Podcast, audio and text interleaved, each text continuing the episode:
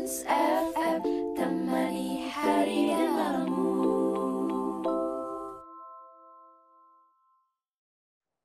Halo guys, selamat datang kembali di Gons FM. Number one most updated radio broadcasting.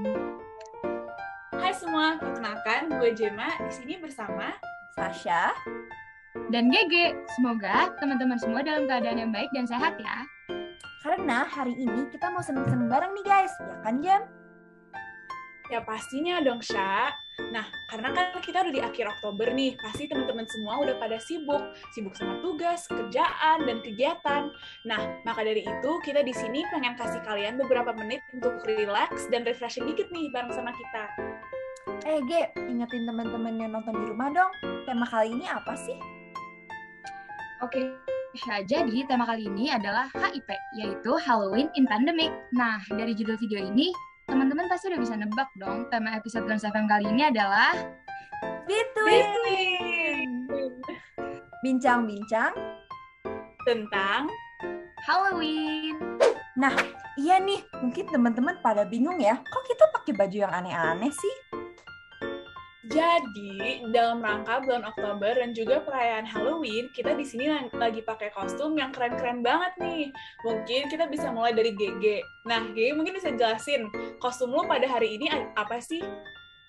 Oke, jadi Jam, Syah, dan semuanya hari ini aku pakai baju Zookeeper guys, dan di sini aku ditemenin sama Momo. Yeay! Oh my god, Keren Syah, jelasin Syah, what's your Oke. costume? kayak kalau gue nih, kalau misalnya kalian nggak tahu dari bibir saya yang merah merona, ini gue jadi vampir guys.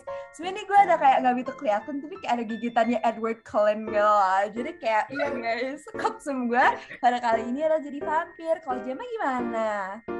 Nah, oke, kalau gua hari ini tuh pakai kostum Mouse. Mungkin karena betul bahkan nggak terlalu kelihatan ya, guys. Tapi gue sebenarnya pakai kuping Mouse nih. Terus ada whiskersnya juga. So, ya, gue milih kostum Mouse. Oke, jadi hari ini kita udah pakai kostum yang keren-keren banget kan. Tapi lo tau nggak sih alasan kenapa orang tuh suka banget pakai kostum kalau lagi ngerayain Halloween? Sumpah jujur ya, kayak dari dulu tuh kita suka banget ngeliat film-film di mana mereka tiap tahunnya di tanggal 31 Oktober suka pakai kostum-kostum gitu. Ada yang jadi hantu lah, monster, vampire kayak si Sha, bahkan pakai kostum tokoh-tokoh film, buku, atau yang mirip-mirip artis gitu. Tapi jujur sih, gue nggak tahu alasan dibalik itu semua apa. Ada yang tahu nggak sih guys? Nah, kalian kira gue nggak tahu sih, tapi gue sudah tahu. Jadi, dulu itu ada festival Samhain, yaitu penyembahan berhala di Kepulauan Inggris yang menjadi awal dari Halloween. Festival inilah yang menandai akhir musim panen dan awal musim dingin ini, yang dirayakan dari 31 Oktober hingga 1 November. Nah, aspek Samhain ini banyak dimasukkan dalam perayaan itu, termasuk kostum. Nah, pada abad pertengahan, orang-orang di Inggris mengenakan pakaian yang melambangkan jiwa-jiwa orang mati.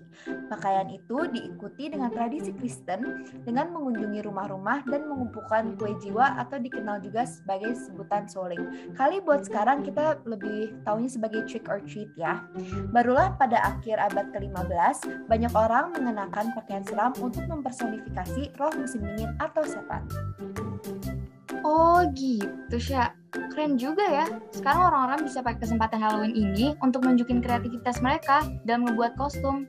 Eh guys, dari tadi kita udah ngebahas dikit nih soal hal-hal yang berkaitan sama Halloween.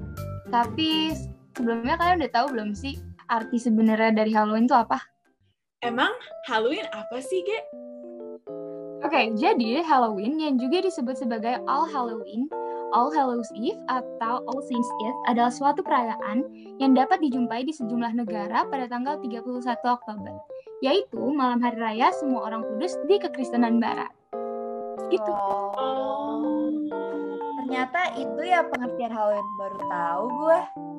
Ngomong-ngomong tentang Halloween, kalian tahu nggak beberapa legenda atau cerita-cerita nih? Halloween ini memang sangat identik sih dengan berbagai macam legenda dan cerita-cerita yang terkandung mistis. Bener banget tuh, karena banyak banget, aku jadi bingung deh harus mulai dari mana. Nah, bener juga tuh kata GG karena ada banyak banget legenda dan cerita-cerita seputar Halloween. Di dalam podcast kali ini, kami bertiga akan merangkum tiga legenda yang menurut kami paling menarik dan terkenal.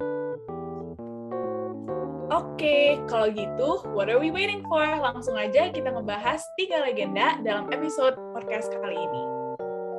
Oke, gue boleh mulai duluan kan ya? Wah, boleh banget tuh. Oke, jadi legenda yang pengen gue ceritain tuh tentang The Headless Horseman from Sleepy Hollow. Kalian pernah denger nggak sih legenda ini? Aduh, gue lupa-lupa inget sih. Coba ceritain lagi deh, Kak. Oke, jadi legenda Sleepy Hollow adalah sebuah cerita gotik karya seorang penulis Amerika Serikat bernama Washington Irving. Kisah ini berlatar belakang pada tahun 1790 di sebuah lembah terpencil bernama Sleepy Hollow di New York, Amerika Serikat. Nah, jadi Sleepy Hollow ini terkenal dengan suasananya yang mencekam dan penduduk-penduduknya yang sering banget punya pengalaman penampakan hantu. Hantu yang paling terkenal di Sleepy Hollow adalah The Headless Horseman, yang artinya adalah penunggang kuda tanpa kepala. Hah? Penunggang kuda tanpa kepala? Serem banget sih. Jujur kalau dipikirin emang serem sih. Jadi legenda ini tuh misahin tentang Ichabod Crane, yaitu seorang kepala sekolah yang kurus dan sangat percaya tahayul. Crane sendiri berasal dari Connecticut dan merupakan seorang yang populer, gemar membantu, dan kepo banget nih sama hal-hal mistis dan gosip. Waduh, kok kayak gue ya? Kayak sekarang gue tuh lagi suka banget nonton film-film horor karena bisa meningkatkan adrenalin gue. Okay, legend has it that Crane bersaing dengan Abraham Van Brandt, yang lebih sering dipanggil Brom Bones, dalam memperebutkan Katrina Van Tassel, seorang putri dari petani kaya bernama Baltus Van Tassel. Tapi semua usaha Crane ini gak berhasil dan dia gagal buat ngedapetin hati si Katrina. Crane terus sedih, kesel, abis itu dia pergi deh night ride dengan naikin kudanya. Nah di tengah jalan, dia tiba-tiba ketemu sama sosok di Headless Horseman yang tadi aku ceritain gitu guys.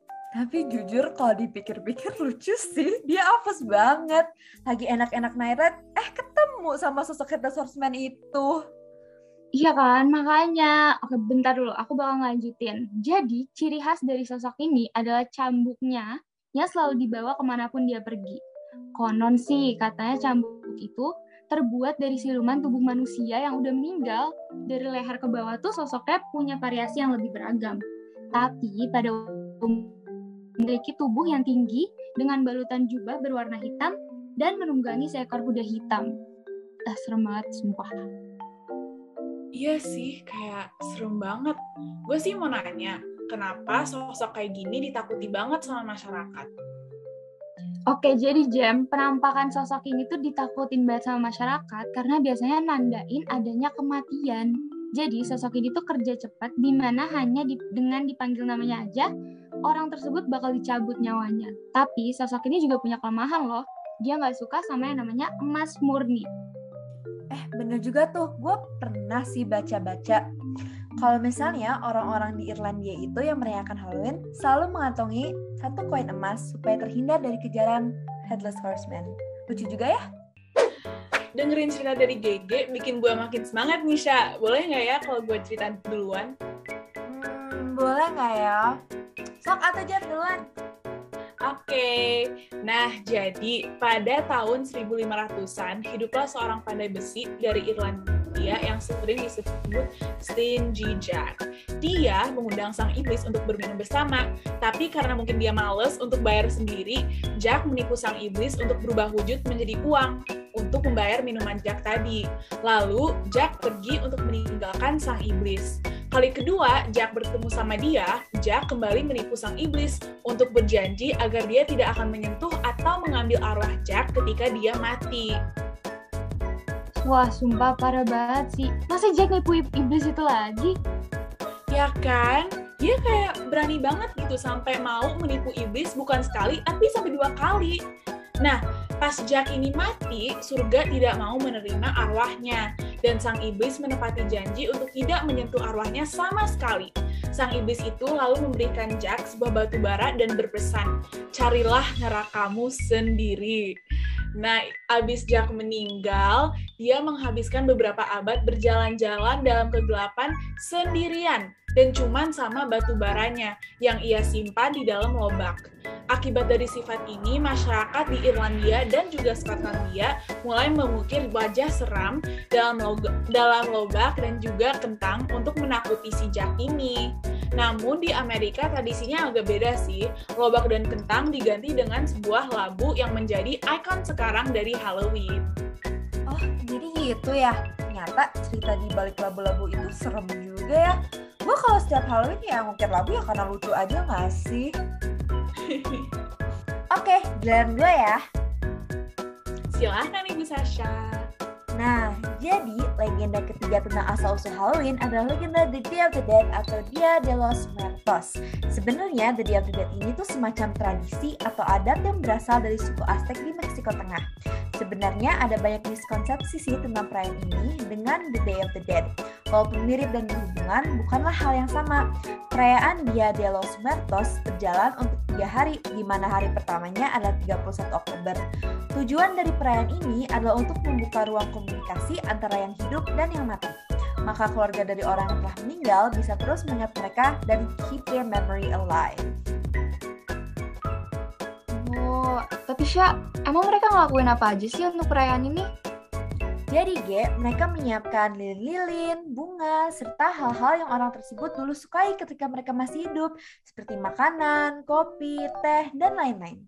Di mana banyak orang memandang kematian sebagai sebuah tragedi yang sangat menyedihkan. Perayaan The Day of the Dead mendorong keluarga-keluarga yang tertinggal untuk merayakan hal tersebut, untuk mendoakan mereka yang sudah meninggal, untuk bersenang-senang, dan mengambil waktu sejenak untuk menaikkan hidup dari orang yang sudah meninggalkan mereka. Wah, ternyata tradisi itu keren juga ya. Gue ingat waktu itu sempet nonton film, film Disney kalau nggak salah, yang judulnya Coco. Sumpah, film itu tuh bagus banget.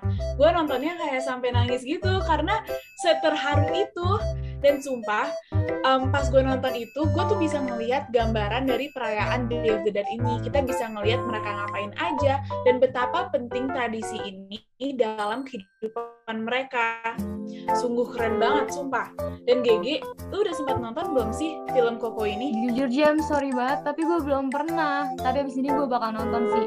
Fix banget, pasti seru banget gak sih? Kayak di pandemi gini pasti kan kita nggak mungkin dong keluar-keluar buat ngerayain Halloween. Nah, Iya, iya. dengan nonton Koko, setidaknya kita bisa ngerasain sedikit vibes Halloween dari rumah. Jadi buat teman-teman semua, jangan lupa ikutan cara aku ya buat ngerayain Halloween, nonton Koko. Jadi sekian dari kita bertiga untuk podcast kali ini. Semoga kita bisa menghibur sejenak dari kejenuhan teman-teman semua di rumah. Eh BTW, emang podcast tentang Halloween ini berakhir di sini, Jan? Tentunya belum dong, Sya. Kalian harus banget stay tune dan menyaksikan episode kedua dari podcast kami. Kita kasihin aja gak sih buat podcast selanjutnya? Boleh banget tuh, Gen. Boleh banget tuh. Oke, jadi hint dari gue adalah NCT. Sekali lagi, terima kasih ya teman-teman udah ngedengerin podcast kita. Dan sekian dari your number one most updated radio broadcasting. Dadah! Guns FM temani hari dan malam